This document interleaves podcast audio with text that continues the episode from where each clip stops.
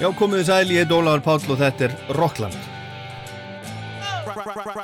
Right about now Þið auglýsið hitt og annað, hérna hitt og annað sem svo aldrei kemur.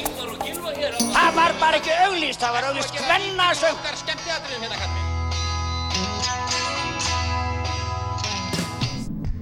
Hvað gerir kvöld? Kíkja á tónleikana? Ekki? Ég hef ekki beint fyrir mig að við reynum einhverja brjála úlinga. Hvað minnur þau?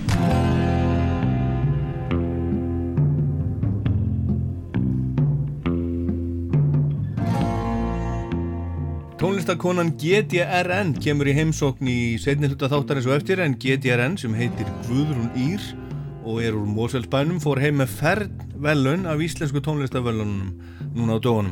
Þar á meðal fyrir pop-plötu ásins en hún sendi frá sér fyrstu plötunum sína sem heitir Hvað ef í fyrra og hún var líka valinn söngkon ásins.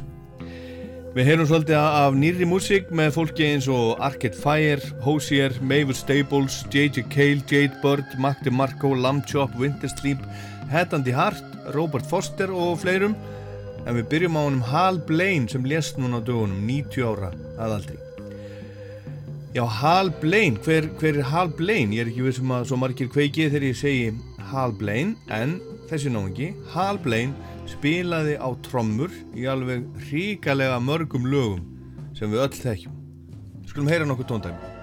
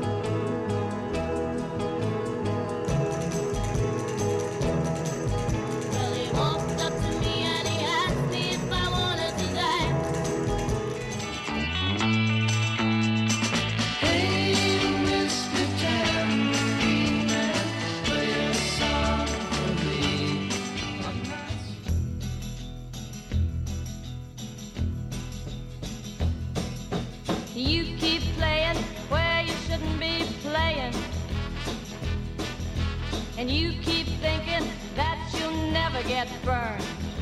I hear the sound of a gentle wind on the wind that lifts her perfume through the air. I'm picking up good.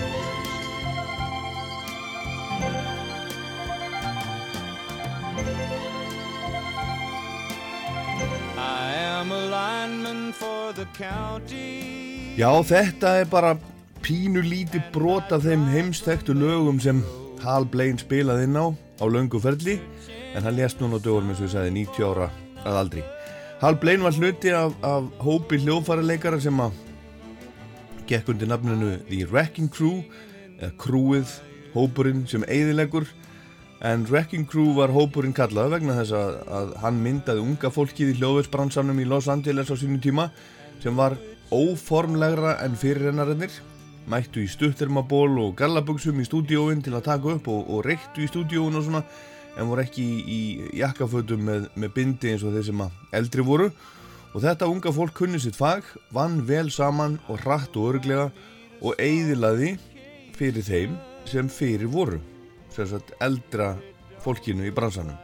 The Wrecking Crew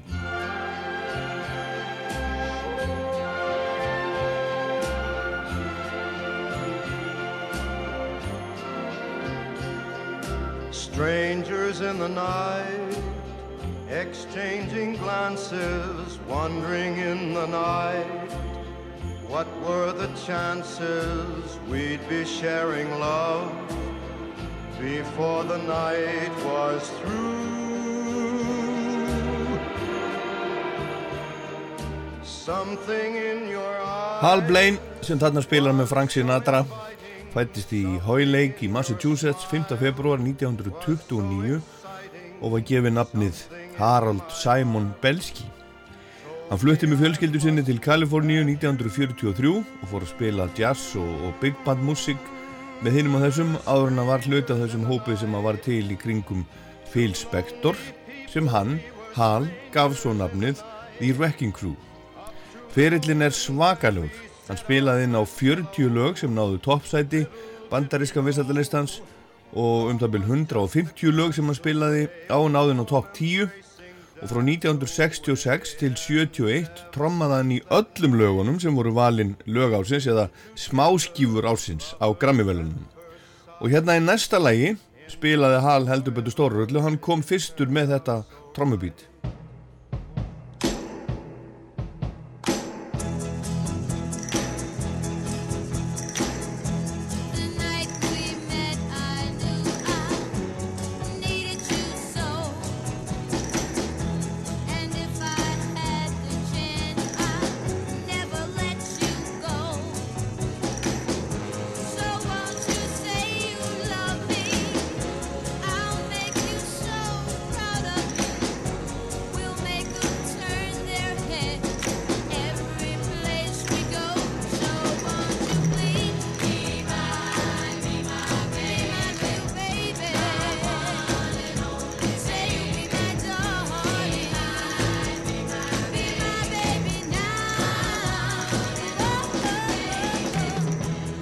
Þetta er stúlknarsveit Phil Spectors, The Ronettes og Be My Baby frá 1963 og þannig er okkar maður, Hal Blaine á baku trommusettið og þetta trommubít áttu margir eftir að nota eftir að það heyrðist fyrst í, í þessu lagi.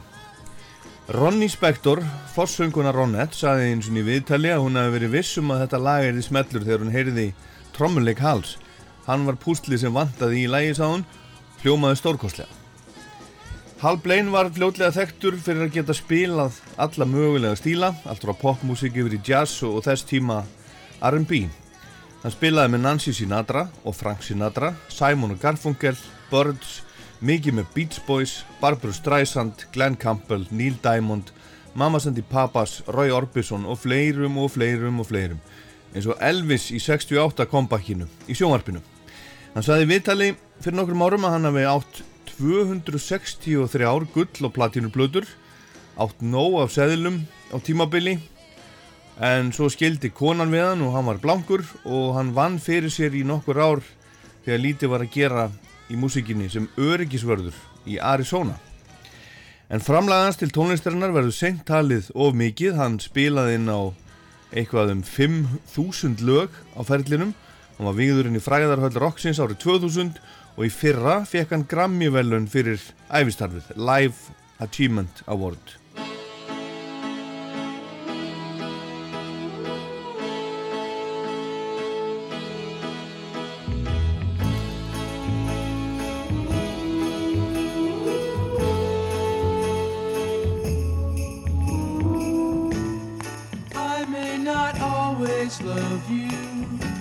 But long as there stars above you, you never need to doubt it.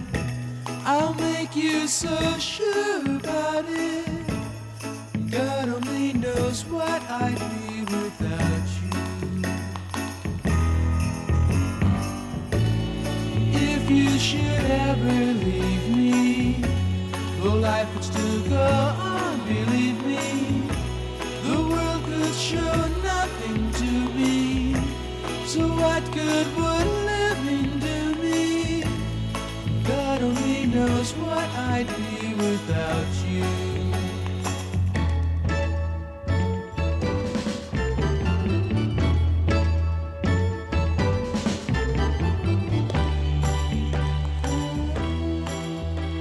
Hér er okkar maður Hal Blaine með Beach Boys, God Only Knows af Pet Sounds, meistaraverki Beach Boys. Og Brian Wilson, fóringi Beach Boys, let hafa eftir sér í vikunni sem leiða að hann væri afar sorgmætur vegna dauða vinnur síns. Hann sagði að Hal hefði kent sér margt og hann hafi haft mikil áhrif á velgengni Beach Boys. Hann hafi verið besti trommar í sögunar og þeir hafi hleyið mikið saman.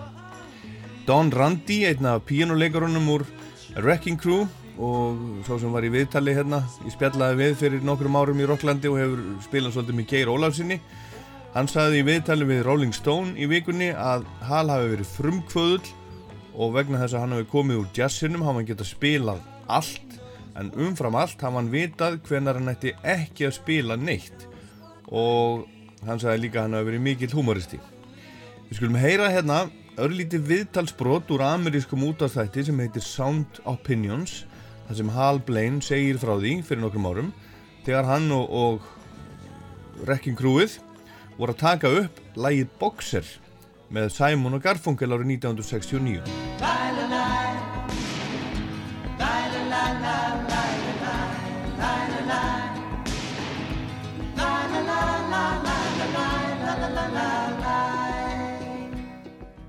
Well, Roy Halley was producing and engineering Paul and Artie, as we called him. Paul is a very esoterical kind of a guy, and also Artie is the same way. But Paul wrote, you know, obviously Bridge Over Troubled Water and all these wonderful songs. And the way I worked, they knew my reputation, of course, brought me to New York. And whatever you want to do, it's up to you. And so when I heard the boxer, I listened to what I listened to, and uh, certain things go through my head. Who knows? Only God knows, I guess. Maybe, and Buddy Rich. And then I wanted some explosions, major explosions.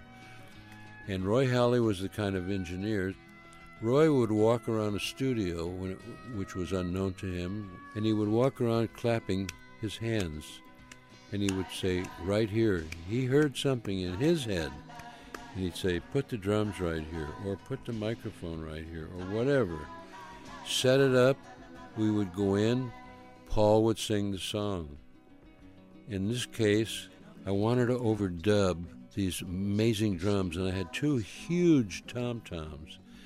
And the, the CBS, the Columbia Records building in, in uh, New York, was at the top of the building, and the studio was up there. And to go from the studio down to leave the studio was kind of a crescent downhill walk to the elevator. And somewhere in, right in front of the elevator doors, Roy Halley heard something. He loved the, the natural echo he was hearing. So he said, let's ha- set up Hal right here, my two drums. And of course, I'm wearing headsets. It's Sunday, the building is closed, nobody's in the building, and we're recording. And now I'm hearing la di da, boom, and I'm smacking these drums as hard as I can. Shakes the building.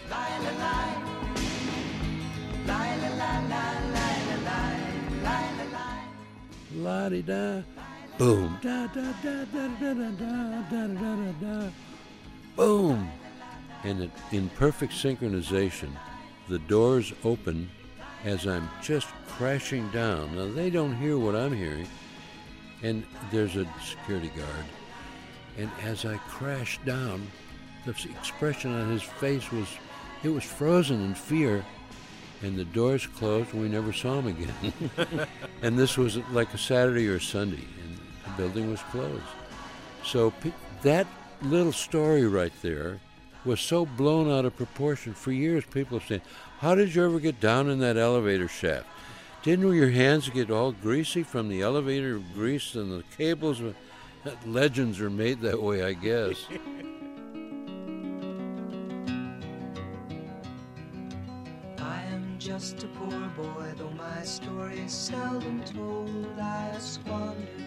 resistance for a pocket full of mumbles, such are promises.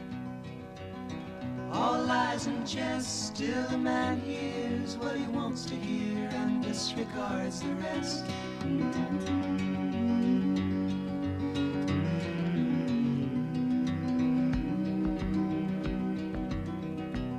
When I left my home and my family, I was no more than a boy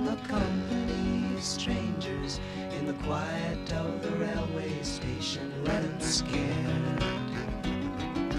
Laying low, seeking out the poorer quarters where the ragged people go, looking for the places only they would know. Bye la la, la la la, la la la, la la la.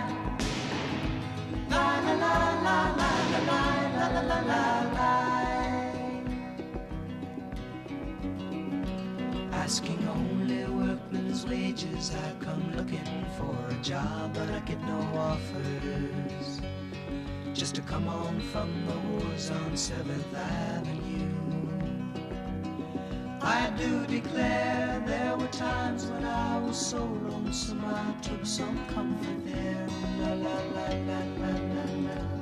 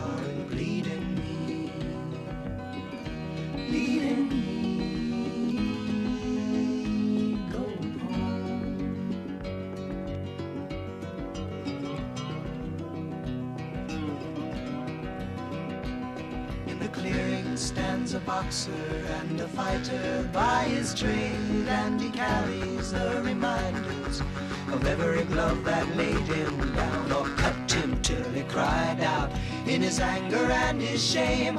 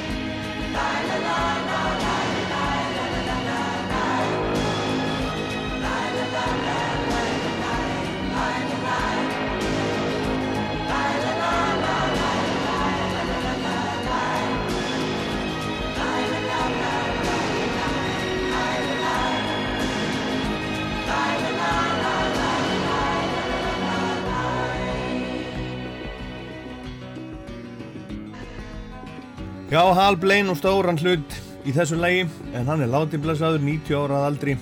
Takk fyrir alla músikinærum.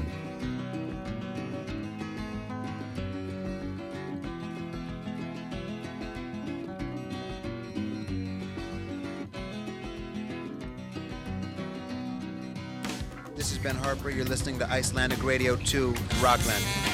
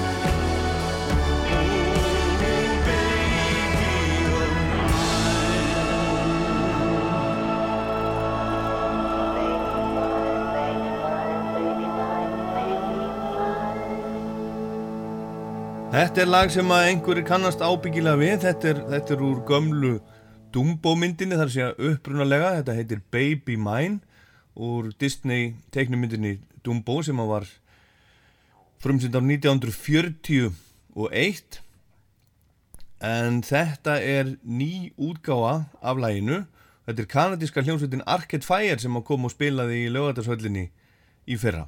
En þetta lag var uh, tilnæmt til uh, Óskarsvæluna árið 1942 fyrir, í flokknum besta frumsönda lag fyrir kvikmynd. Og er bara þekkt lag og þetta er í, í nýju Dumbo-myndinni sem að Tim Burton gerir, hún verður frumsýnd núna bara, eða þannig búið að frumsýnuna en, en núna bara í næstu viku verður hún, verður hún, fer hún í almenna dreifingu skilst mér í, í bandarækjánum og svo út um allan heim og, og þarna leika aðalhutur Colin Farrell, Michael Keaton, Danny DeVito, Eva Green og, og Alan Arkin. En þau voru til í að taka þetta að sér að gera þetta, gera nýja útgáfa af þessu lagi Arcade Fire og, og, þarna er bara öll Arcade Fire fjölskyldan samankomin, hljómsveitin og, svo er það mammans Vince Butler, hún spilar þarna á hörpu í læginu og bróðir hans á, á Theremin og sonur hans og, og, og, Regín sem er líka í hljómsveitinni hann spilar þarna á, á svona þríhótt velgert hjá þeim. Heyrum næst Hosier, nýtt lag frá íska tónlistamanninum Hosier Þetta er af, af nýju plötunan sem er önnu stúdíoplatan hans heitir Wasteland. Lagi heitir Dinner and Diatribes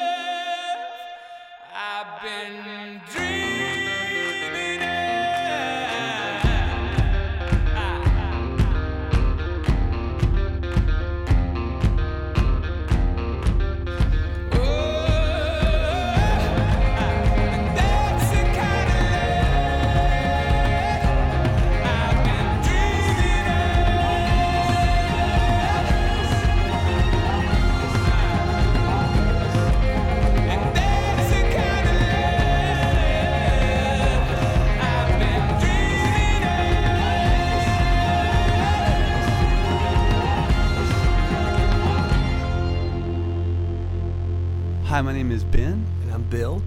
And we're from the band Band of Horses, and you are listening to Raus 2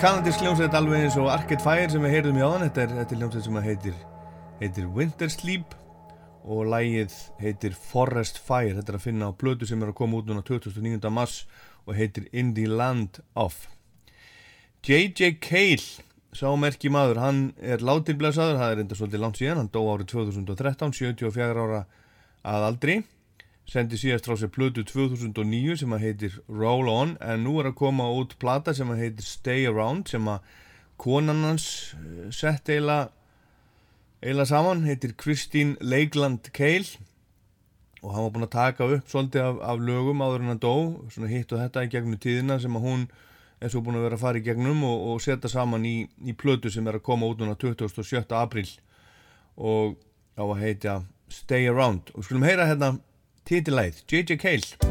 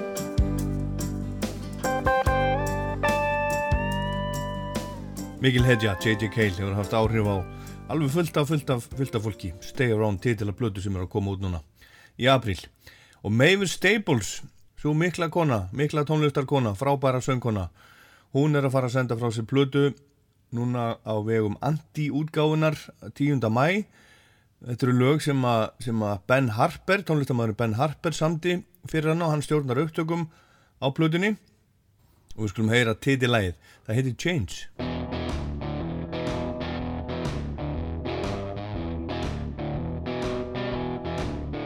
Gotta change around here. Gotta change around here. Can't go on this way. Things gotta change around here. Say it loud, say it clear. Things gonna change around here. Fingers on the trigger around here. Fingers on the trigger around here. Bullets flying, mothers crying. We gotta change around here. set it straight. Be sure that you hear things gonna change around here. What good is freedom if we haven't learned to be free? What good is freedom if we haven't learned to be free? Day after day, year after year, we're gonna change around here.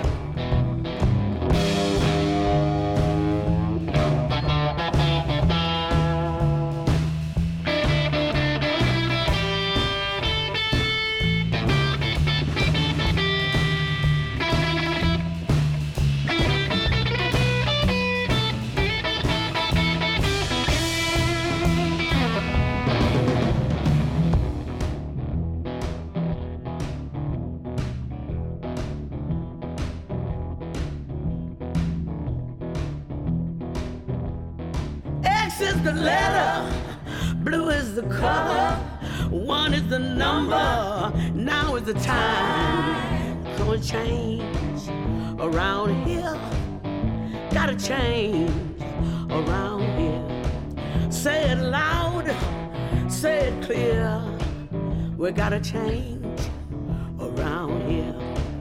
Gotta change around here, gotta change around here. Yeah. Lord, we gotta change around here. Say it loud, say it clear. We gotta change around here.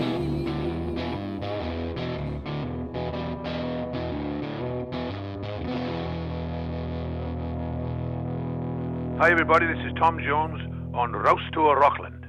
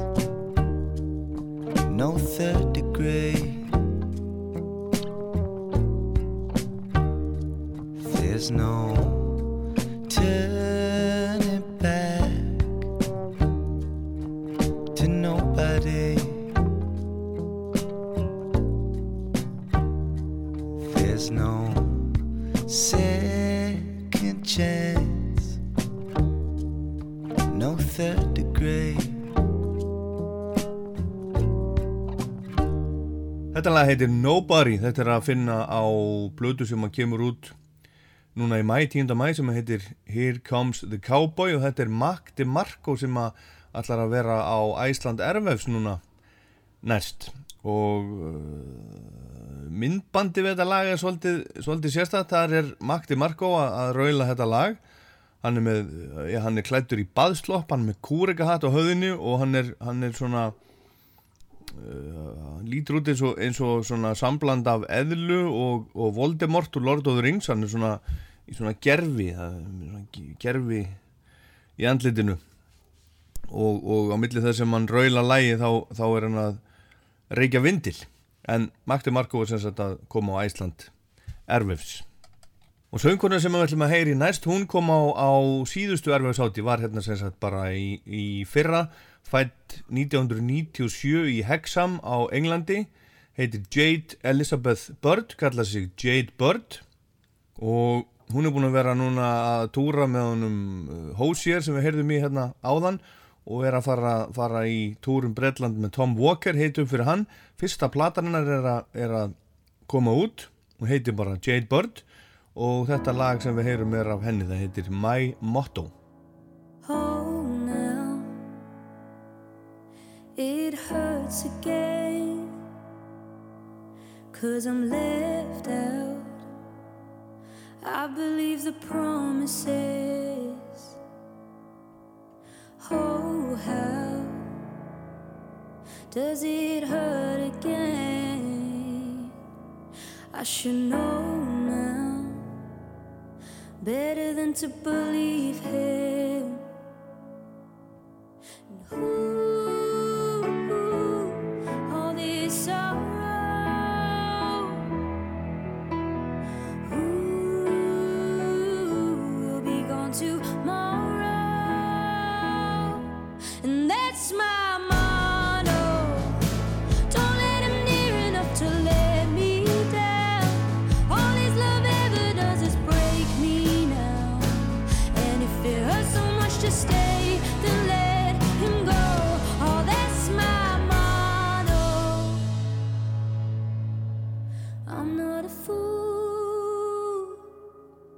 And Lord knows I'd be stupid if I still wanted you. But if I do, I'll repeat the message till I don't.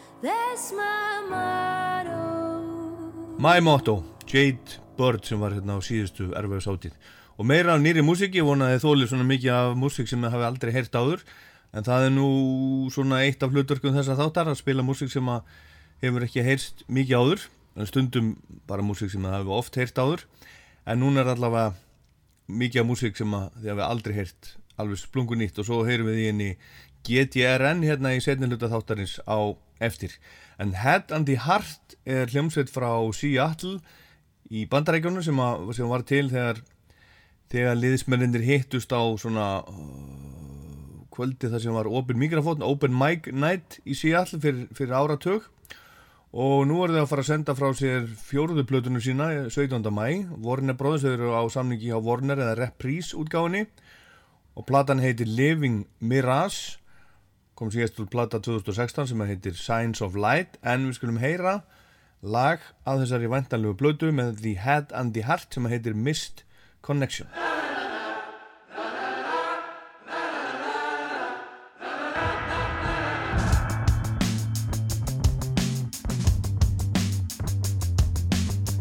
If I never come through, yes, it haunts me. Sunny days I miss you, yes, it haunts me. First you see it, then you feel it. Now I'm caught and we're making our own thing. Now I'm following you out to the coast. If I never come through, if I never come through, don't tell me I lost a step. Crisscrossed in the wrong direction. Found myself in a conversation from a missed connection.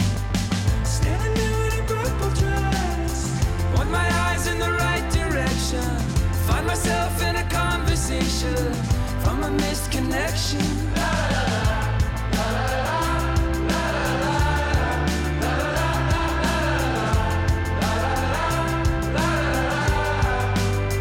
From a missed connection.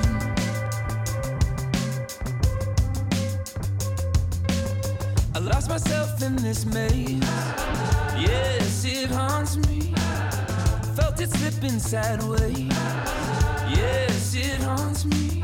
But I see it and I feel it in my soul. Is there something I'm missing? Should I follow this wherever it goes? I will always come through.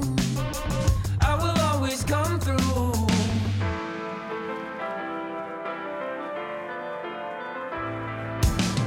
Don't tell me I lost a step.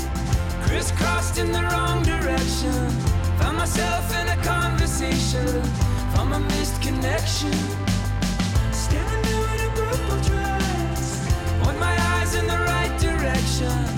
Myself in a conversation from a missed connection. Only as alone as I wanna be. Less than all the people standing on the street. The fallen fruit of a family tree. A crystal ball in the Odyssey. Did you find whatever you were looking for? Had to open every single door. I get the feeling you've been here before. From a missed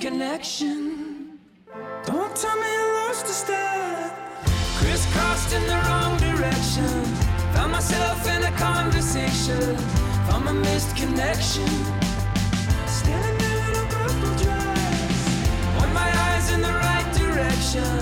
Find myself in a conversation from a missed connection.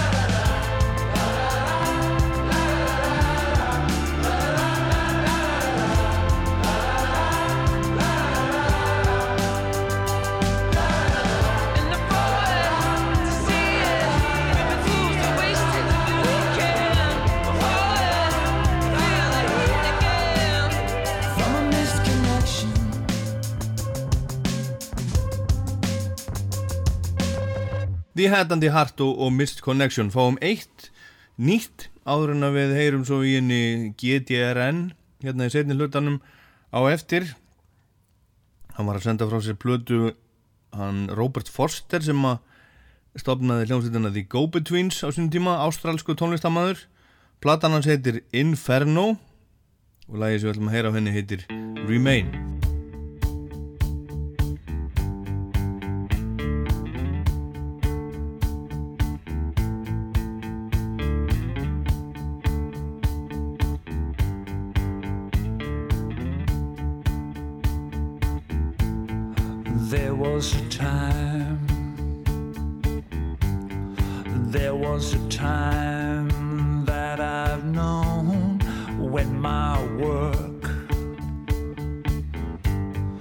when my films just weren't shown. Big city screens, big city dreams remain. I did my good work while knowing it wasn't my time. Sometimes this world, sometimes this world has its cracks. I fell through, but I can do magic to turn backs. Big city screens, big city dreams remain. I did my good work while knowing it wasn't my time.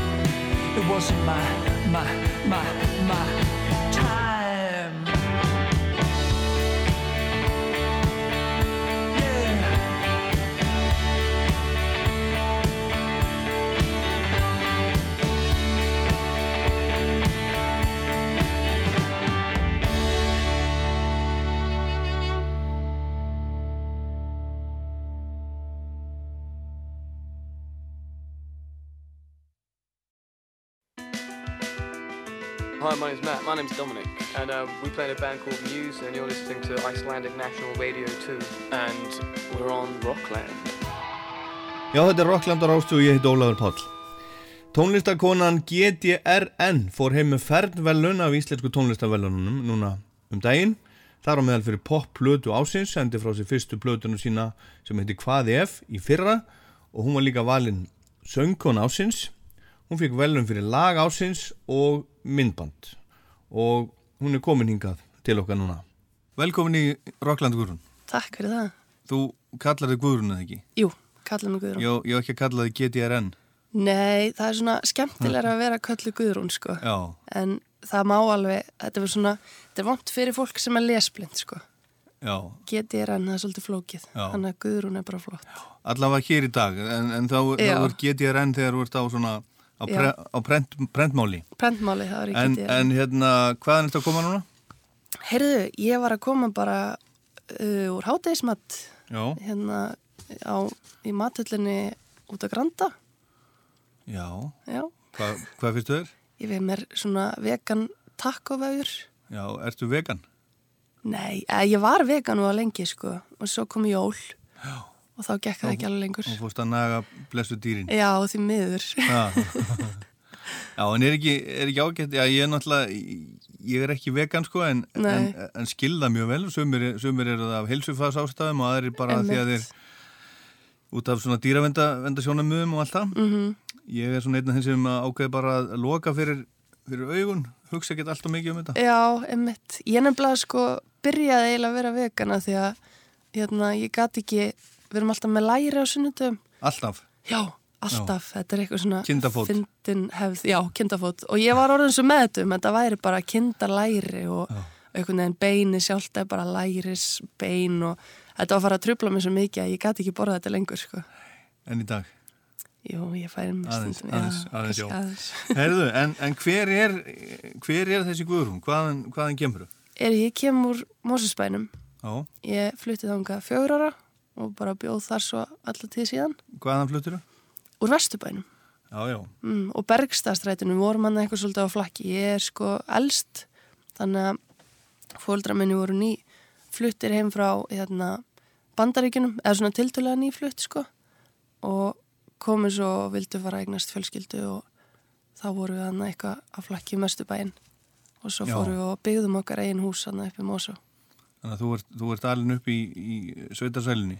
Algjörlega sko, þetta er svona finnst bjálkahús Já, þetta já. er bara eins og sumabústaður svo Já. fer maður bara upp í fjall bara fyrir aftan Já. En hvernig, hver, hvernig líður að vera svona, ég, ég var að hugsa sko, út til að svona eins og shooting star, svona hraðstjarnar, já, einmitt hvernig líður með það? Þetta er svolítið skemmtilegt sko því að eins og þú segir, þetta er svolítið eins og ég sé svona shooting star en ég er búin að vinna mjög mikið að þessu sko í svolítið tíma Já. þannig að það er svolítið gaman að fá einhvern veginn svona maður er algjörlega að uppskera því sem maður sáir og eiginlega svona meira til sko en það líka getur verið svolítið overwhelming sko Já. svona maður er að passa sig að vera bara með hausinn skrúan rétt og Já, er hann rétt, rétt skrúðar á? ég held það Já. ég held ég hafi náða hann svona ágætlega vel á sko Ok, herðu, viljum að heyra, heyra hérna nokkur lög uh, af, af plutunniðinni hérna, hérna í dag. Mhm. Við skulum heyra bara uppáslægið, það sem var. Já. Segðu mér aðeins, aðeins frá læginu fyrst. Þetta er annarlægið sem að ég gaf út bara sem svona singul og hérna, Anna lægi sem þú samtir. já, í rauninni sem, að ég, sem ég gaf út hana fyrst var það hérna lag sem heitir Ein sem er á plötunni líka og ég held að það hefði verið, þú veist, annað lægið sem ég samtið eða eitthvað og svo var það það sem var og þetta er svona svolítið skemmtilegt, þetta er rosalega einfalt lag í rauninni, þetta er ekkit eitthvað rosalega mikil texta hérna gerð og þegar við ætlum að fara að gefa þetta út þá hérna, ég þekki eins til hans Óla Arnalds. Mm. og hann hafði sambandið með og sagði, veistu Guðrún, hérna, ég veit um eitt, eitt sem að geti sko gert lagið miklu betra. Þannig að degi áður en að við vorum búin að setja í masteringu og hann hafði samband og sagði bara verðum að breyta þessu. Og við gerðum það og hérna breytum viðlagin alveg og þetta var bara voða skemmtilegt sko Já, já, hann er Óli Arnalds á, á svolítið í þessu. Já, ég ætla að gefa hann svolítið í þessu lagi sko Er, að- er að nágrannið þinn, þinn um Mosó? mm, Hann er á Mosu líka Já. en hann náttúrulega hérna, ég er búin að vera hann hjá Öldum Music og hann náttúrulega á það fyrirtæki Að sjálfsögðu. þannig að ég fekk hann ofta að kíkja upp í stúdíu til hans og taka upp píano og alls konar Þú segir bara það sem þú heldur að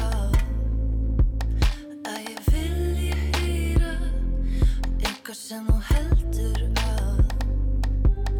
Að mér líði betur með að ég skilji þig svo vel að þú hafir aldrei viljað sleppa því að kynast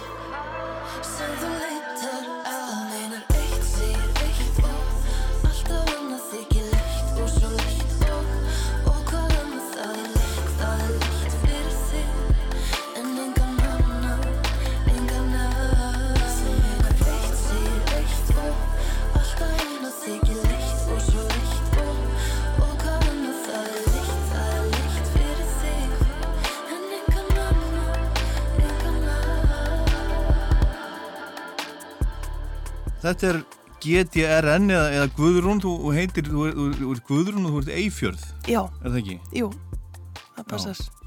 Og hérna, þetta var lægið það sem, það sem var.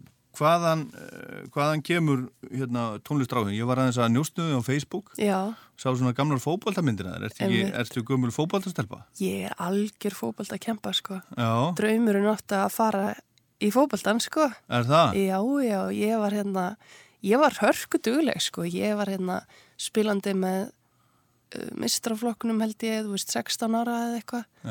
Og bara það var líka það kannski sem að var mér að falli. Ég var bara að spila svo mikið í öðrum flokki og svo upp í mistraflokk og hitt og þetta og æfði bara á mikið og eðilega á mig nýð. Er það? Ertu Já. með ónýtt nýja? Ég er með alveg kól ónýtt nýð, sko. Ég er búin að vera í tvær aðgerðis og crossbandið er farið og liðþóinn og liðbandið og allt bara. Í alvöru? Já. Og hvernig var þið nú, nú við það? Þegar, þegar, þú, þegar sá draumur gæti ekki orðið að veruleika? Það var svolítið sjokk sko því ég ætlaði að fara út hérna- Þú ætlaðir bara í þetta? Ég ætlaði bara í þetta, ég ætlaði að fara út í skóla í bandaríkjunum og að koma með einhverja umbúsmenn, einhverja tengingar þar og ætlaði að fara til Oregon eða eitthvað svona og þetta var svolítið svona, þú veist, bara áfall sko, einhvern veginn að öll plönum hans fóru svolítið bara út í sandin einhvern veginn og maður gæti ekkert gert til þess að spórnaði við þannig að ég er bara glöð að ég ákvað að fara þá í tónlistina sko Já, en hvað, e- ekki hefur það, það gerst bara svona, jæja, nú er fótboltin ekki, nú fer ég bara í tónlist. Nei, ég var sko að spila á fiðlu alveg bara síðan ég var fimm ára gömul sko Já, og var komið leið á henni hann aðeins þegar ég var byrjuð í mentaskóla. ertu, ertu Suzuki bann? Ég er ekki bann, alveg fætt og uppalið Já, og hérna á þeim öruglega mjög mikið að þakka alls konar tónlistargjörningum sem að ég er einhvern veginn að gera núna. já, en, en já, þú, þú varst orðin leið á því, en, en, en spilar á eitthvað í dag? Ég gríp stundum í hana sko. Já, Það er svona flottar svona söngkonur sem verður með fiðlu, sko. Já, þetta er svo ótrúlega epist eitthvað. Elísa í Kolrössu, Magga. Stína í, í hérna, í hérna Rísahælunni Já, nákvæmlega. og fleiri. Nákvæmlega. En hérna, já, svo ég held að það hafi verið klassíska námið sem maður var ekki alveg að henda mér. Já, Þannig að ég, mér langaði alltaf að læra sko að syngja en ég þorði aldrei að syngja. Ég bara svona, mér fannst ég vera með eitthvað og allt og djúpa röddi í þetta eitthvað svona og einhver feimni í manni bara sko. já, Og hérna, mamma bara skráði mig í hérna pröfur upp í Mosó í söngnum. já, já. Og ég flög þar bara inn. Svo þetta í tónlistaskólan? Já. Í, í, í söng? Já, í söng og ég flög þar inn og var hjá konu sem að var að kenna sko, svona hún er meira klassiskur kennari Mhm. sko og hérna og svo þar eftir það fór ég í FIH að læra jazz söng og jazz piano Já, þannig að þú ert búið með þetta allt saman. Búin að vera í tónlistaskóla í mörg ára á já, og spila fótbolta já, og svo verið í FIH. já Eh, ertu útskrifuð þaðan? Ég er ekki útskrifuð, ég er hann á framhaldsnámi í, í söngnum Já, þú, þú ert ennþá þar? Já, Já, já. mm, er hann að glamra svo með á piano eða eitthvað Merkilegt, það er sko meira, hérna, auðvitað fer maður í tónlistaskóla til þess að læra tónlist. En, en sko einu sinni þá var þetta svolítið aðskilin heimur þar að segja þeir sem að fór í tónlistarskóla Já, og svo þeir sem að fóru til þess að kæft í músiktilurinn emmitt en svo hefur það verið meira og meira í setni tíða það eru fleiri og fleiri að koma úr einmitt tónlistaskólanum og FIH í músiktilurinnir Já, sem að er svo, þú veist, tengingin inn, á, inn í kannski erfveifs og eitthvað svona þannig að þetta er alltaf að renna, renna, renna saman. Mér finnst þetta akkurat og þeir eru svona meira líka held ég hann að FIH að átta sig á því. Eru svona að reyna að byggja námið svolítið í kringum það akkurat sko. Og eitthvað svona voru með áfoka sem myndir listin og lifibröð sem að kennir tónlistamönnum að skrifa reikninga og eitthvað. Og að vinna eh, í bíkó með því eða eitthvað. Já, já. Já, það er ótrúlega, það er ótrúlega ég hugsa að sé bara flestir tónlistamenn í heiminum sem að vinna einhver aðra vinnu með því sem þeir eru að gera. Þó, þó þeir sé að túra það eru náttúrulega mörg dæmi hérna á Íslandi að uh, tónlistamenn eru að túra hinga að þanga en eru svo í vinnu vinna kannski á leikskóla eða, eða vestlun eða eitthvað svona Akkurat. og fá svo bara frí til þess að túra Já, ég er akkurat búin að vera að vinna núna sem skólaliði í Já, svolítið já. tíma sko. Ég hætti bara núna nýlega því að það var bara svo mikið að gera. Já, í þá tónlistinni Já, en annars einhvern veginn og mér finnst allir svona, þú veist, vera bara alltaf að gera eitthvað með. Þetta er svona, og þú sættið að- að- alveg við það já, já, já, já, Já. alveg 100% sko. Já, já, getur kannski orðið fótboltaþjálfari líka Heyrðu, það væri nú eitthvað.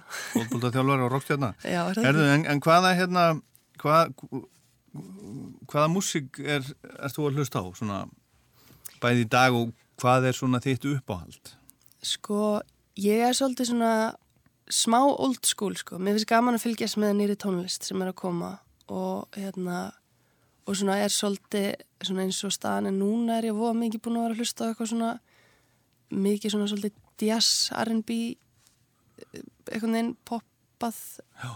eitthvað. svona eins og þú ert að gera svolítið Já, svolítið svona eins og ég er að gera svona Solans og, og hérna Blood Orange og annað sko og var skemmtilegt að hlusta á það en svo er ég alveg först í þessu gamla, gamla þú veist, hérna hérna hvað heitir hérna Rumors-platan Fleetwood Mac Fleetwood Mac og Portishead og þú veist, mér finnst það var gaman að svona hlusta á allt þetta gamla dót sko, mamma og pappi hlustuðu það mikið á þetta Já. þannig ég fæ svona hlustuðu þau á, á Portishead Þau hlustu mikið á Portishead. Já, það? Já, og hérna, og alls konar, þú veist, Nirvana og eitthvað, og ég var alveg, fekk þetta bara beint í æð. Hérna, Red Hot Chili Peppers hlustuðu mikið á. Já. Vorum alltaf að fara í einhverjar útilegu ferðir og þá var bara gisladiskurinn settur Já, í já. gang, sko. þú ert unga foreldra þá Nei, þau Ekki? eru nú, nei, þau eru hérna, þau voru held ég 34 eða eitthvað þegar þau eignust mig, sko. Já, ég er já. alveg elst, þannig að þau eru núna þetta í Já. hvað, 60? Já, þannig að þau hafa fylgst bara vel með Já, já, já.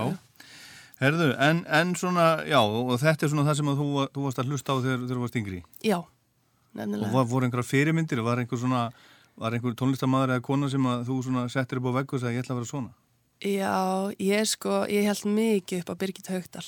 Já. Alveg virkilega, þú veist, þegar að dúkkan kom út og Já, ég áttu hlustaði á- dúkkuna? Ég fekk aldrei dúkkuna, því miður, sko. Uh, en mér fannst svo gaman að hlusta á hérna líka grís útsetninguna af henni og Jóns, að Jónsi var náttúrulega líka algjör ofur stjarnar hann þegar ég var yngri, sko. Já, En þau voru alveg, þetta var það flottasta. Og Jóhanna Guðrun náttúrulega líka. Og ég man þegar ég var yngri, sko, þegar ég var bara pingu lítil, þá hérna satt ég eitthvað svona fyrir fram á sjóarpið og horfði á Jóhannu Guðrunu syngja í hérna, stundin okkar og ég benti eitthvað og sagði, heyrðu mamma, heldur að ég geti farið og sungi líka sjóarpinu svona. Og hún alveg, nei, nei, þú veist ekki nógu stór. Þannig að það kom að því samt. nú ertu búin að því, nú ertu búin að því.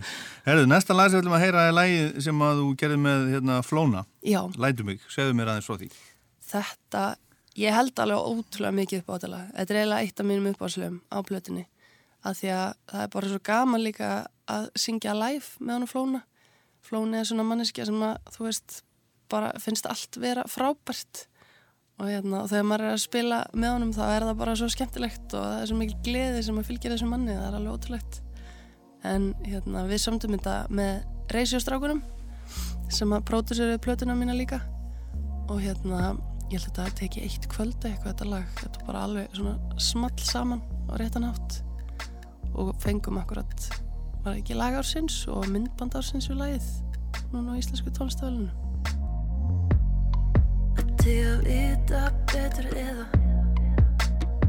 Hvað það nú var heldur. Sjáum hvað setur heldur. Stöndum í stað Þú vilt þegar ég vil ekki Vil þegar þú vilt ekki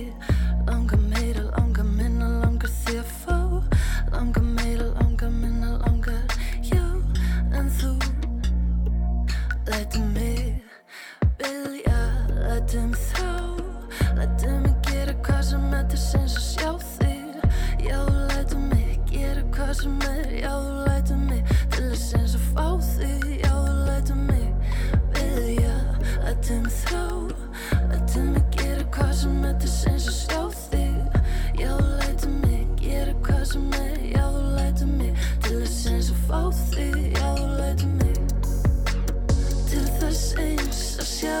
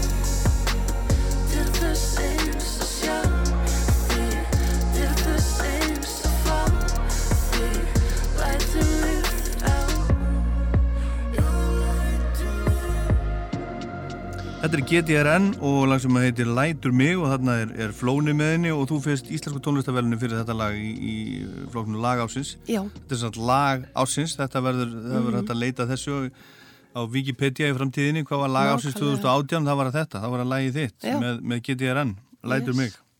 En hérna, uh, þú ert líka ein af þeim, ein af sex sem að fekk krömsvelunin í ár. Já, sem er svona á að vera kannski svona svolítil anstaða við íslensku tónlistavelunin Já. allt, það er annar vinkill þá er ekki verið að líta neitt til vinsalda heldur bara til gæða. Já. eh, svona listrætni gæða meðan kannski íslensku tónlistavelunin eru já þeir eru ofta aðeins örvísi það er meira svona kannski vinsaldir spila þar inn í og, og svona. Já. en hvernig uh, hvernig fannst þér að fá þessi krömsvelun þú sagði bara já já þetta er skilið.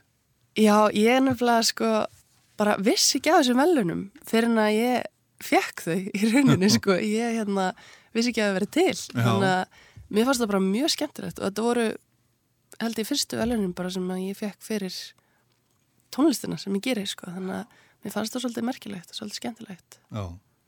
já þú ert náttúrulega bara alveg ný þó þú sért búin að vera undirbúaði lengi. Einmitt, það er ekki komið nema ár sem Já. ég gaf út fyrstu plötuna. Já, en þú varst í tónlistaskólanum í Moselsbæði eða hvað? Eða, eða er Suzuki eitthvað annað? Já, jú, ég var í sko í fiðlunni, ég byrjaði í fiðlunni upp í Mosó og svo fór hérna kennarinn minn og fluttu til Írlands aftur Já, já. og þá sendur mig til sýstur sem er skólastjórinn í Suzuki. Já, Þannig að ég fór svona, fekk að hoppa hann inn í Suzuki námið þar. en varstu ekki í tónlistaskólanum í, í Moselsbæði? Ekki í fiðlunni, Nei. En, en í söng. Já, þú fórst bara þangað að söng. Er það, er það góðu skóli? Já, mér finnst þetta mjög skemmtileg skóla. Þetta er svona svolítið lítill skóli Mhm. og svona, þú veist, þetta er allt svolítið þjætt og svona þægilegt, sko. Og kennararnir mjög almennleir, mjög tilbúinir til þess að hjálpa manni og ég man að ég byrjaði og svona, þú veist, kennarinn minn, hún var rosalega, hérna, ákveðni að hún vildi ekki fara eitthvað að breyta röddinu minni eða eitthvað. Hún vildi bara svona byggja námið í kringum mig Hún algjörlega. vildi ekki gera það að, að, sóbrann? Nei, hún vildi bara algjörlega að ég myndi halda mínum svona einkennum sko, sem er ekkert mjög algengt hjá kennarinn, oftast hafa þau bara einhverja visku og vilja henda því á því sko, Já. en hún vildi svona bara gera einhvern algjörðan struktúr fyrir mig sko, sem var mjög flott og svo þegar hún saði við mig bara, hérna, þegar ég var komin svolítið á leið, hún saði bara ég get ekki kent neitt meira, þú er eiginlega að fara í FIH að læra jazz meira þar. Já, já. Hver, hver er að kenna þér þar í dag? Hún Gulla Ólafsdóttir Já, já. og svo er maðurinn hennar Vignis að kenna mér á píano. Já, já, já. já. En, en semur á píano? Já. En gítar? Harmoníku? Já, sko mamma spila harmoníku þannig að ég get alltaf gripið í hana og ég, ég læriði nú sjálf að klamra á gítar sko, ég er svona aðeins meira högtandi þar sko Já. en píano er svona minn besti vinnur í Þú semur á það? Já. En, en hérna, þú byrjaði að semja þegar þú varst í, varst í MR eða ekki?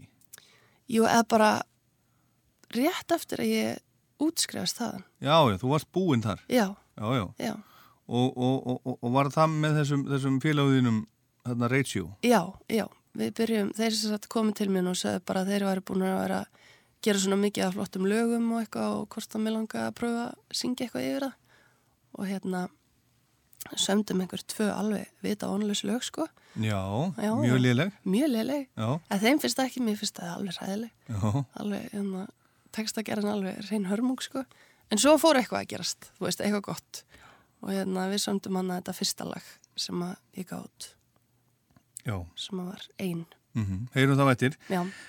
En þú, þú semur hérna, þannig að, þeir, svona yfirleitt er þannig að þeir koma með einhverja svona grunna Mhm. og þú, þú býr til laglínu og semur texta. Já, það byrjaði svolítið svoleiðis Já.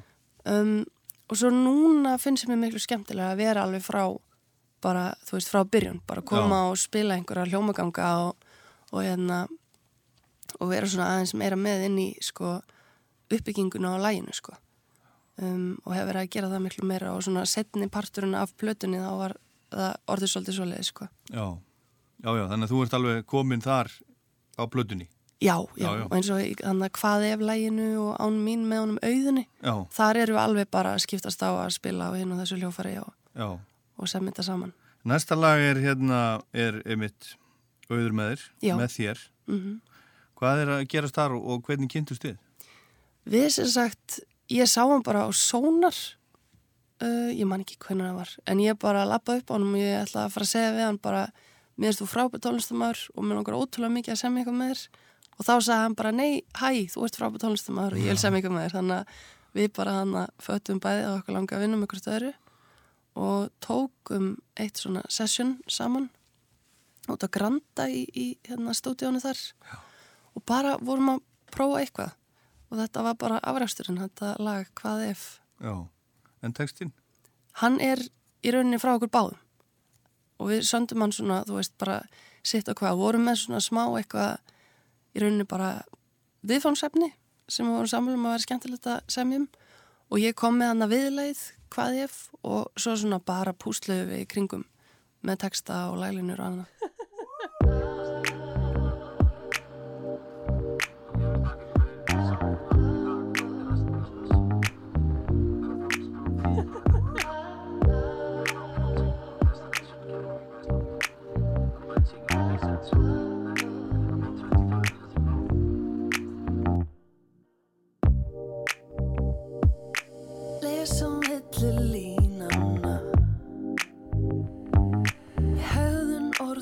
Allt annað Ég býð sér til Hvort þú hugsið eins og mig.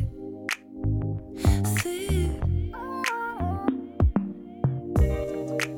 Vild að ég geti fundið einhverja leið Til þess að vita hvort að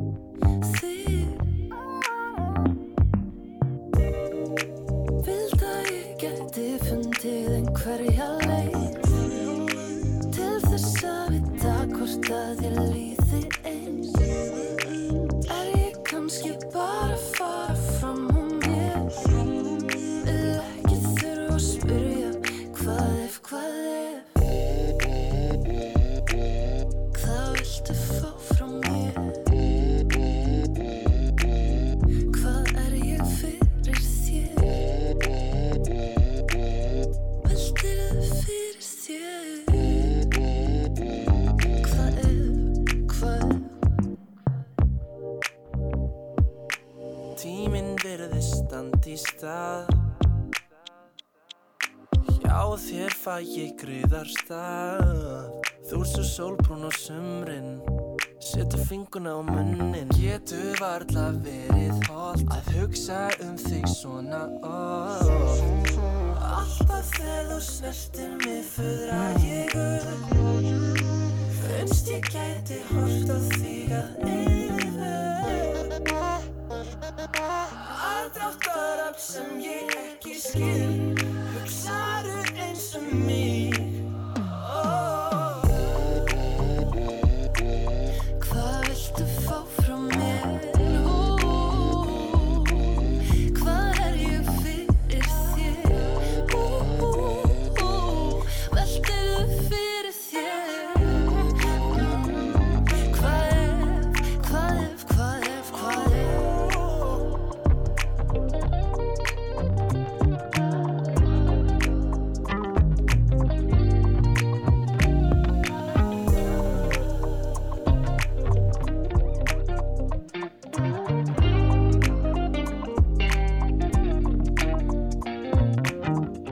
Þetta er GTRN og, og, og auður með þér, þetta er svolítið sérstætt. Þú ert GTRN og hann er auður, hann heitir auðun og þú heitir Guðrún. Já, Ha? já. Þeir eru að, hérna, þeir eru að, þeir eru að, að flækja þetta eins. Við erum aðeins að flækja þetta. Þetta má ekki hvernig- vera of einfalt. Já, Sko. en hvernig, af hverju, af hverju GTRN? Ég sko var búin að vera rosalega mikið að pæla í því, þú veist, hvað ég ætti að kalla mig og fyrst þannig að þegar ég gáði út fyrsta lagi mitt kallaði mig bara Guðrún Ír Já. og svo sendum við næsta lag í masteringu, fengum hann tilbaka og þá hafði sá sem var að mastera tekið út sérhljóðana Já. og mér fannst þetta bara svolítið gúl að því að þá gæti ég kalla mig Guðrún en væri samt með eitthvað svona svolítið töff faktor sko. Já, já, þannig að, Mhm. þannig að það var, var einhver hljóðmaður sem, að, sem Já. að er, er Guðfæðir GTRN. Nefnilega, Hver, er, hver er það? hann er hann styrmir.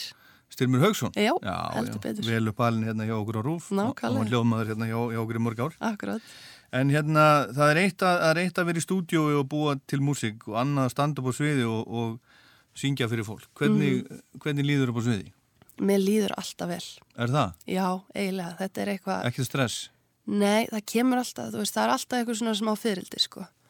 Og hérna, maður verður alltaf smá stressaður en maður þarf líka að vera það, þú veist, annars er mannum bara alveg sama. Og hérna, ég held ég geti þakka alveg Suzuki-náminu, þú veist, það var alltaf hverjum lögadegi, annarkvöld lögadag, voru alltaf tónleikar. Já. Þannig ég er búin að vera æfð síðan ég var alveg fimm ára að koma fram á sviði og spila, sko. Já, já. En ég fæ Það skiptir rosa... auð- auðvitað máli. Það gerir það. Koma fram bara fyrir tíu fyrst og 20 og.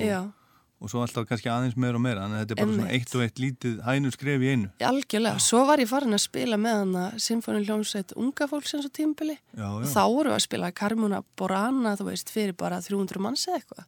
Já, já. Þannig að þetta voru svona Og þú ákveðin hefur verið þar líka? Já, já, já. Já. Það er ekki að spurja því maður. Fótboltastjarna og, og, og hérna í og- Já.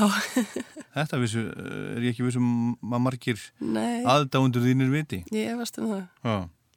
En hérna, uh, hvernig var til dæmis að þú, þú söngst þarna á Íslensku tónlistafölunum daginn? Mhm. Hvernig var að stíga á svið fyrir allan bransan og, alla, alla þjóðinni í beinu útsendingu? Það er svona, það er svolítið stressandi, sko. Það Já. er svona, oft reyni ég svolítið að hérna, pæla ekkit vola mikið í því, sko, hver er út í sal. Að því að þá fyrir ég að velta því bara of mikið fyrir mér og fyrir að vera eitthvað meira stressu en ég þarf að vera, sko. Já. Og hérna, þetta er svona setni tíma vandamál, getur maður sagt. Já. Það líði bara eftir á. Þú áttir þínar fyrirmyndir þegar þú varst yngri, sagðir okkur frá því hérna án, Birgitta Haugdal og, Mhm. og, hérna, og Jónsi og, og Jóhanna Guðrún og svona. Mhm. Lítur þú á, á þig sem fyrirmynd Já. ungs fólks í dag? Ég svona, núna finnst mér ég svolítið vera að finna fyrir því að það eru, það eru svo mikið af ungum stelpum sem eru að senda mér skilabóði eða Já, er það? koma upp að mér að- út á götu búin að vera að mana sig upp í kannski tíu mínútur og svo lappa upp að mér og segja hæ, dyrka tónlistina einn og svo fara þér bara, þú veist. En ég finna það svona og mér finnst þú að gaman að geta verið sko eitthvað svona ástæða þú veist, að einhver kannski vonandi horfi til mín og segi ég get líka gert svona. Þú veist, að því að það vantar alltaf svona aðeins inn í íslenska tónlistarlifi svona, eða vantar ekki að fullt á flottum konum en það má alltaf vera meira þeim sko. Já. En, en hérna, finnst þér tónlistakonur svona eigundir högg að sækja í tónlistinni? Ekki núna. Nei. Mér finnst vera svolítið svona bara, svolítið svona frjótt tónlistarlíf af, af, af tónlistarkonum sem eru að koma núna á sjónansvið og eru bara að gera rosalega góða hluti Mhm. og ég veit ekki af hverju það er en, en bara mér finnst núna konur eru alveg að standa sig Mhm.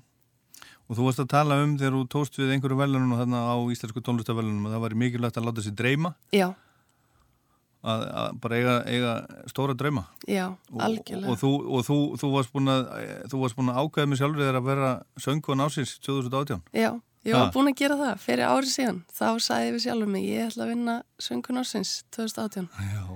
Þannig að Þetta er er, er ábyggilega á fótboltanum sko. Ég held það nefnilega. Og Suzuki algjörlega, Það- þú veist Keppniskapið þér keppniskapið er alveg hræðilegt sko, Er það? Já, já, já, já Þetta er bara, þema hjá mér er bara þú skorir ekki nefn og skjótir og allt þetta sko Já, já Já, merkilegt maður mm. Herðu, við skulum heyra hérna fyrsta lagi sem þú sendi frá þér sem er, er þetta lag sem heitir Ein Já. 2017 Mhm. Hvað er um það að segja? um, Ég er svona, þú veist, ég er eiginlega hálfpartin komið sem á leiði Er ég spilaði svo mikið skilur þetta var alveg að ég gaf þetta út og svo held ég átta mánuðin setna gaf ég út næsta lag Já. og svo leið held ég alveg hálft ár þá til að næsta lag kom út. Þannig að þetta var orðið svo svona gamalt einhvern veginn fyrir mér. Með að við að því að alltaf hefur maður býtil eitthvað nýtt þá er þetta, þá finnst manni það svo flott sko. Já, en svo hlusta já, svo hlusta ég alltaf á það sko. Og þá segi ég alltaf við sjálfum mig bara, já, þetta er alveg fínt lag þetta er það alveg. Já. skemmtileg frumrönn sko. Og um hvað, um hvað er, þetta fjalla hana? þetta var bara einhver ástarsorg þegar að ég var í Einhver blues? já, já, ég var bara í einhverjum miðum prófum og hætta með einhverjum og allt bara á niðurlega Hræðilegt, lífið búið bara. Nákvæmlega. Allt ömulegt Herðu, við skulum heyra þetta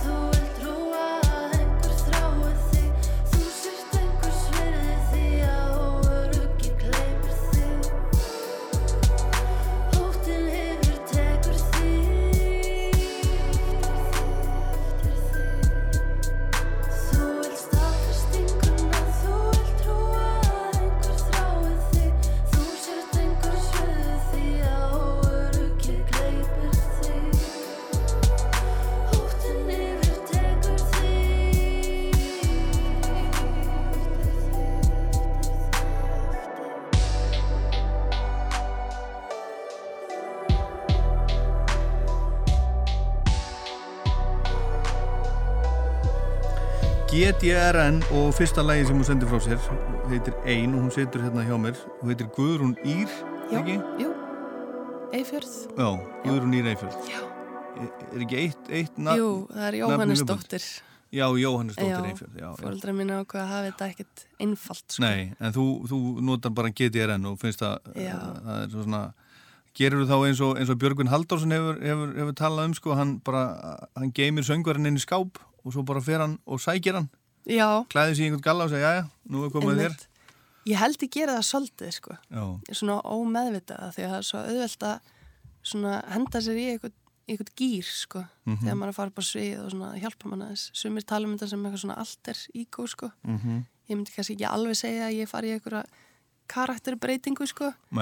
en, en það er svona, maður setur sér í einhverja stellingar sko. Já. ætli þetta sé ekki bara eins og þegar maður er að fara að keppa fótboltaleik og maður þarf að fara í rétt hugafar og henda sér í leikinn sko. já, já Herðu, ef þú myndir nú, ef ef þú sætir nú til dæmis í, í, í lest í Nóri og verður að tala við einhvern ókunnan og, og verður að segja að þú verður tónlistakona og hvað myndir þú þá, hvað myndir þú segja honum að, eða hvernig myndir þú útskýra tónlistina sem að þú verður að, að gera fyrir honum? E, já, Já, ef, þú, ef þú skilur hvað ég á Ég við. skilji, ég skilji. Ég myndi segja að þetta væri svona mjög djassmiðað rafpop. Jazzmiðað rafpop. Já, með örlítlu hint á svona R&B. Já, En það er ekki einhver góð útskýring. jú, það er örgulega, örgulega allt, allt í góðu og þetta er alltaf, alltaf íslensku, er það, er það, er það meðvitað? Það var með þetta. Ég er miklu betri að semja og svona segja frá á íslensku, sko. Já. En ég hef nú alveg verið að semja líka á ennsku Mhm. og munu öruglega eitthvað að reyna fyrir mér í því þegar að mér langar svo mikið að fara eitthvað og kíkja út, sko, í einhver tónleikaferðalög. Já, þú ert farin að hug, hugurinn er góminn til útlanda. Já, örlítið sko. Já, Þá var ég gaman að geta aðeins hérna sínt upp á ennsku kunnáttunum Já. líka sko. svo varstu náttúrulega tilnæmt til norrænu tónlistavælununa líka Mhm. Sem, og, og, og þau voru afhend á, á, á bílarm í Noregi. Já, Þú fórst þangað ekki ég fór þangað.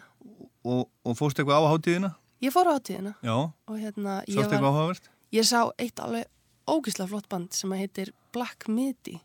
Já. Þeir eru svona punkaðir rock eitthvað. Já. Og þeir eru svona, þú veist, að líti út fyrir að vera bara 17 ára og þú veist, aðalsöngarinn er svona pingulítill og smá svona rauðþarður einhvern veginn og, og með alveg mjög áhugaverða rödd og svo var gítarleikarinn, þú veist, hann var alveg búin að bara blóðga sér hendurnar og gítarinn allir í blóði og þetta var eitthvað svona mjög áhugavert dæmi, sko. Já, já. Og þú vilt komast í, í, í þennan bransa? Þú vilt komast til útlanda?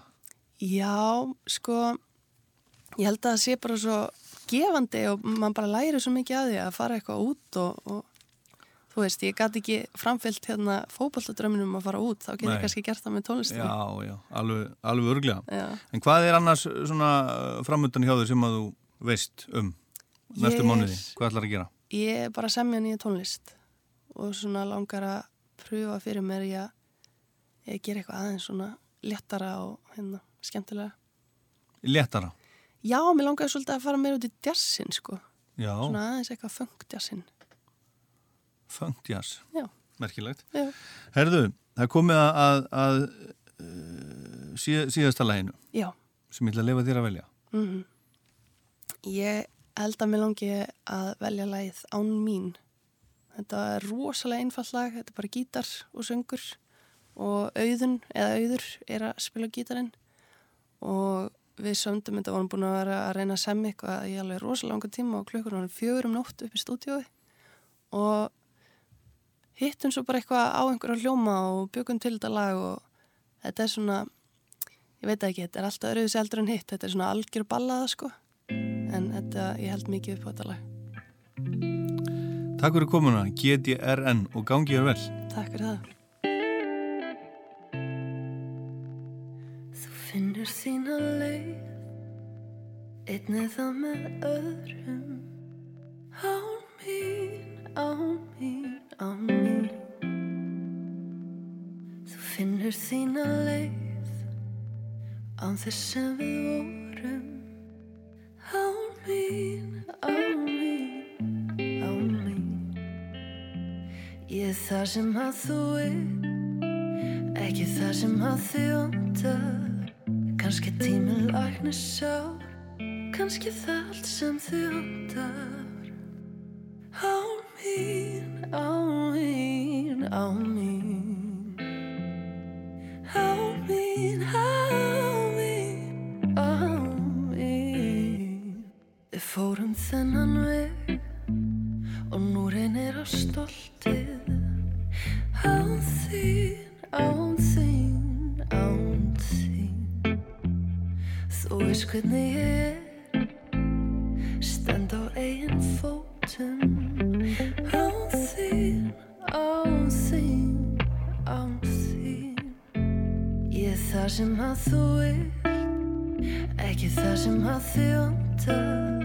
Kanski tími lækna sá Kanski það allt sem þið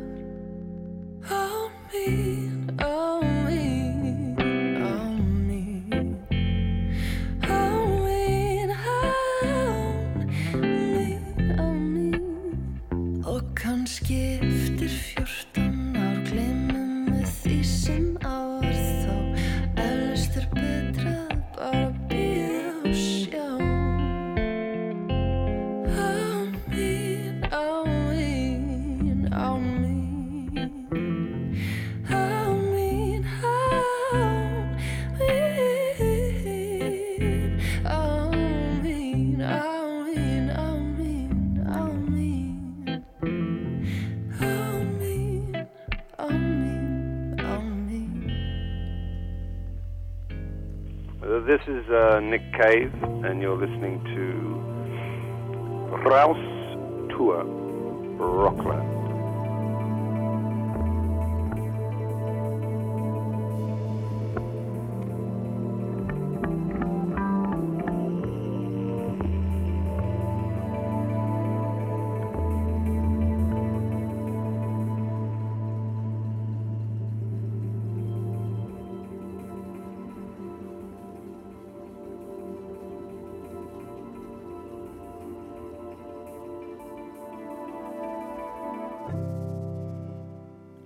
remember the passing trains, leaves fall in the yard, just like on a cup.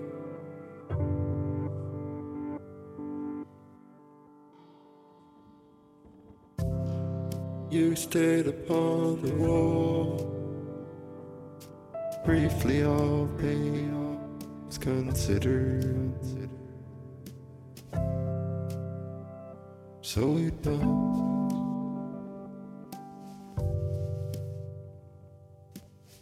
But the land was so the sound of water in the pipes. You will be wanted, this is your life.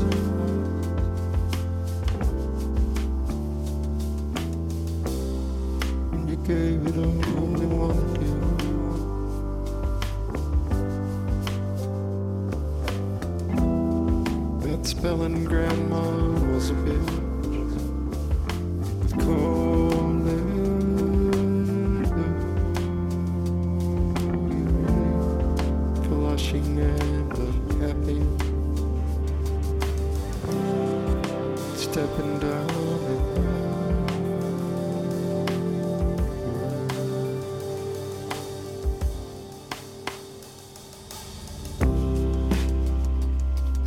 fucking lovely day.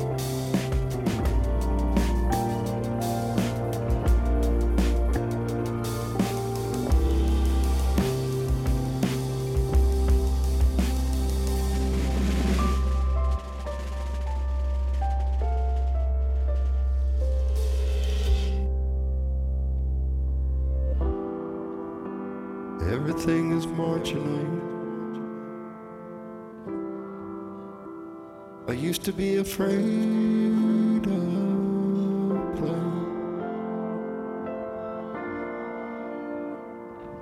There once was a winner. I thought I was a winner. It's not like some mystery. Something happens to our brains. Sometimes these things just come to me.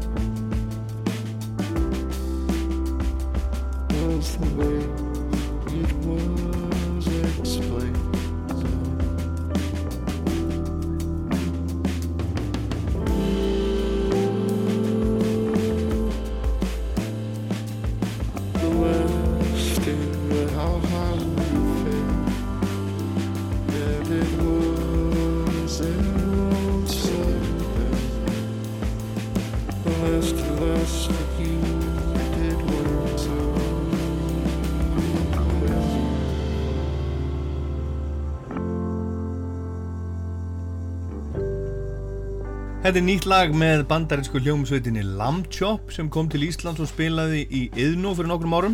Þetta er að finna á plötu sem heitir This is what I wanted to tell you og er alveg splungun í og lagi heitir The Lasting Last of You.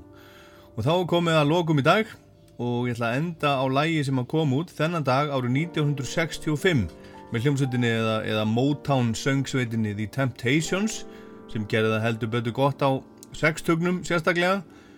Og sveitin var þekkt fyrir breyta rattsvið og líflega sviðsframkomu þar sem að þeir fimm sem að voru í sveitinni hreyfðu sig í, í takt við lögin, kóreografía í hverju lagi og allir mjög svona glæsilegir, flottir, vel dressaðir og, og vel dansandi. Og þennan dag 1965 sendi Temptations frá þessi lag sem að heitir It's Growing og var næsta lag á eftir smellinum stóra My Girl og fyrsta lag Temptations þar sem David Ruffin var fórsöngvari.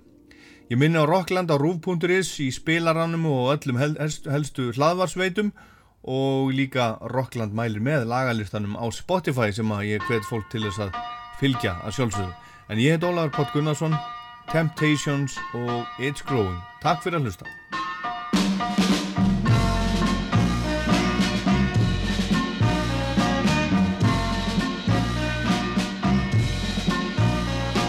A snowball rolling down the side of a snow-covered hill.